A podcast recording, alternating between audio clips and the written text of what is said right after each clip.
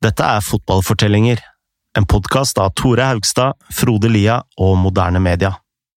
I 2018 selger den russiske milliardæren Alisher Usmanov aksjene sine i Arsenal til Stan Cronky. Det betyr at Cronky kan ta Arsenal inn i privat eierskap. Fans som har holdt aksjer i klubben i flere tiår, tvinges til å selge dem til Cronky. To år tidligere har Cronky snakket om eierskapet av Arsenal på en konferanse i Boston. Der har han sagt følgende Ønsker du å vinne serien, bør du aldri bli involvert.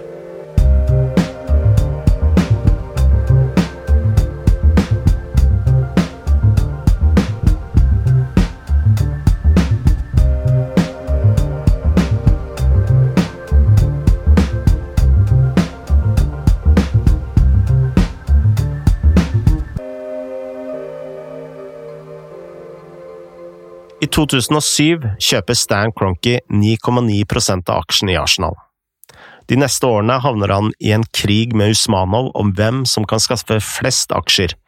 Kroenke får tak i 67% men Usmanov kun sitter på 30% Det gir Kroenke kontroll over klubben og evnen til å nekte Usmanov en plass i styret. Ja, og dette brøt jo uh, med en lang tradisjon i Arsenal. Um, dette var jo en klubb som alltid hadde vært av veldig høy klasse, hvor eierne var rikinger som først og fremst beskytta klubben, og som hjalp til med et par kroner her og der, om nødvendig. De investerte ikke i klubben for pengene sine skyld, de tok mer vare på klubben på vegne av supporterne. I de forrige episodene stilte vi spørsmål om eh, hvorfor Roman Abramovic valgte Chelsea, og hvorfor Malcolm Glazer valgte Manchester United. Begge de valgene hadde en logikk bak seg, og når det kommer til Kronke, kunne man også se hva han verdsatte i Arsenal. Ja, som vi så i forrige episode, er det veldig viktig for Kronke å eie stadionet som laget han spiller på. Og I 2007 hadde Arsenal nettopp flytta inn på The Emirates. I tillegg kunne Kronke eie lag uten å bruke så mye penger, fordi de ikke kunne rykke ned i USA.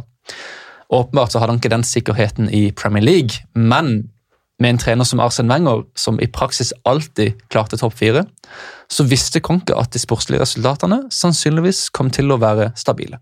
En annen måte Kronke tjener penger på i USA, er jo TV-rettigheter. Mm. Akkurat da han tok over Arsenal, tredde det i kraft en ny TV-avtale som var verdt 66 mer enn den forrige avtalen. Ja, og dette er jo en, et nytt eksempel på at Kronke kan tjene penger på fasilitetene rundt klubben. Mm. Um, så her hadde han jo altså funnet et fotballag som han kunne drive på samme måte som de han hadde i USA. Så han begynte da med sin strategi, som var veldig sparsommelig og forsiktig. Han betalte ned lånet på stadion med klubbens egne penger. Han brukte ingenting sjøl. Og Wenger måtte etter hvert også selge spillere for å kunne kjøpe. Dette var ikke noe Roman Abramovic som bare pøste inn eh, egne midler. Og Dette var jo spillere som eh, Thierry Henry, Alexander Leb, Cesc Fabregas, som dro til eh, Barcelona. Emmanuel Adebayor og Samir Nasri de dro til Manchester City. Og Nasri sa faktisk senere at Wenger egentlig ville beholde ham, men at Kronke ville ha pengene. Mm. I 2012 ble det også kjent at Robin van Persie ikke ville skrive ny kontrakt.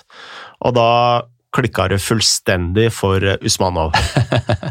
ja, altså, tenk Usmanov. Han eide 30 av aksjene, men kunne jo i praksis ikke gjøre noen ting. Han sto bare på sidelinja, så på at uh, Kronke holdt på å, å, spare penger og ikke ville investere noe sjøl. Uh, eh, og nå hadde han fått nok. da, Han var lei Han, han var lei av Wenger, han var lei av at de bare skulle klare topp fire og være fornøyd med det. Og han var lei av å, å, å ha denne forsiktige finansielle modellen som holdt Arsenal tilbake sportslig sett. Men da skrev Usmanov faktisk et brev? Han skrev et brev til styret hvor han ba Arsenal om å bruke mer penger. Han sa faktisk at de måtte gjøre hva enn som var nødvendig for å vinne titler igjen. Ehm, dette betydde da først og fremst at de skulle matche de aller største lagene finansielt sett, noe som Konke ikke så særlig ut. Altså, så Virka ikke så veldig interessert til å, å bruke det, så mye penger. Nei, for Stan Crocky brydde seg ikke veldig mye om brevet til Usmanov. Nei, så Han elska Wenger, som ga han all den stabiliteten. og Han beskrev han som en strålende trener fordi han alltid fikk seg Champions League, som ga store TV-penger. Uh, Og Wenger klagde aldri på Kranke heller, så uh, det var jo ingenting som forandra seg. Alle var på en måte fornøyde. Så uh, altså, I 2012 så solgte Arsenal fem perser til Manchester United. United vant ligaen, og Arsenal de kom på fjerdeplass. Med sin formue kunne Kronke ha gravd i sine egne lommer for å prøve å vinne Premier League og beholde stjerner som eh, van Persie, men ifølge James Montague var ikke det en del av planen. But certainly the Glazers and others um, have worked out that mediocrity you know, as long as you have a strong brand, mediocrity kind of, kind of, you know, keep, keeps the cash ticking over. And uh, what I was interested in is how Cronky has taken that model to Arsenal, and essentially it's the same thing. You know, you you you stay in the Premier League, you get into the top six or top four.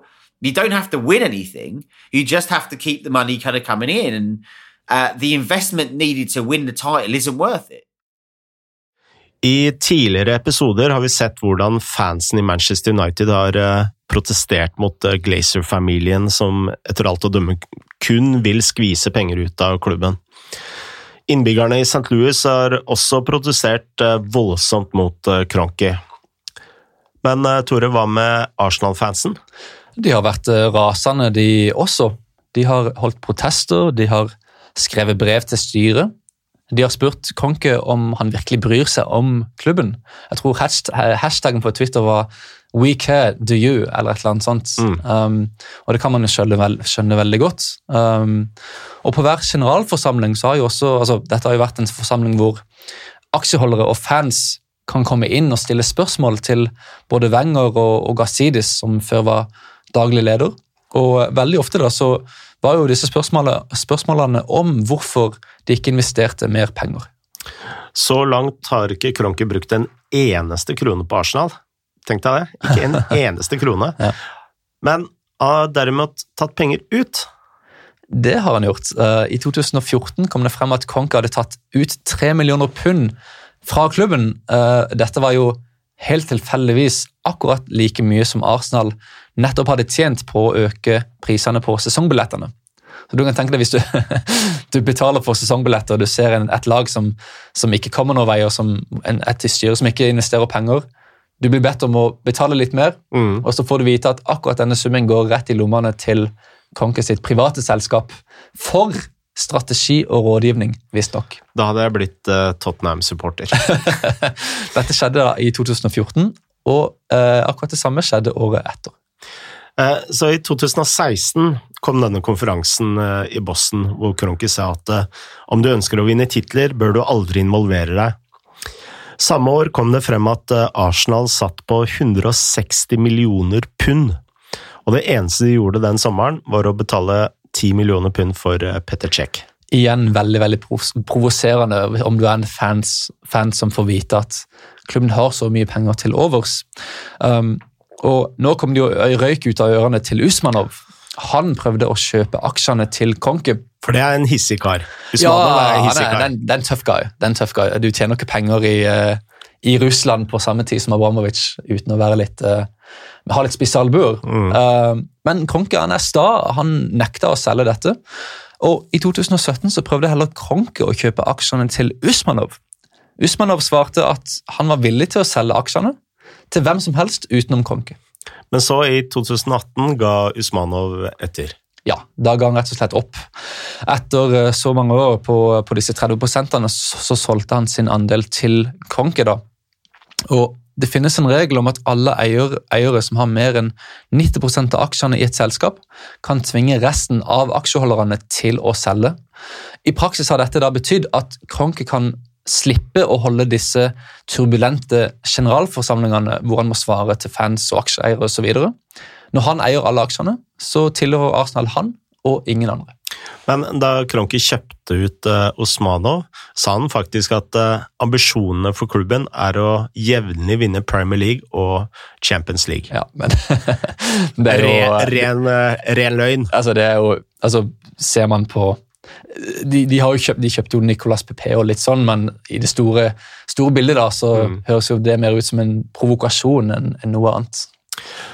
Hvis jeg hadde vært eh, Arsenal-fan, så hadde jeg håpet at Kronki eh, kommer til å selge klubben. Han er jo der kun for å tjene penger. Men da vi snakket med Kieran Maguire, sa han at Kronke sliter faktisk med å tjene penger på Arsenal. Ja, uh, Kieran Maguire er jo denne professoren da, som har hjulpet oss med de finansielle spørsmålene gjennom denne sesongen. Han har jo også skrevet en bok om fotballfinans som heter The Price of Football. Og Da vi spurte han om Kronke kun var ute etter å tjene penger, så sa han dette.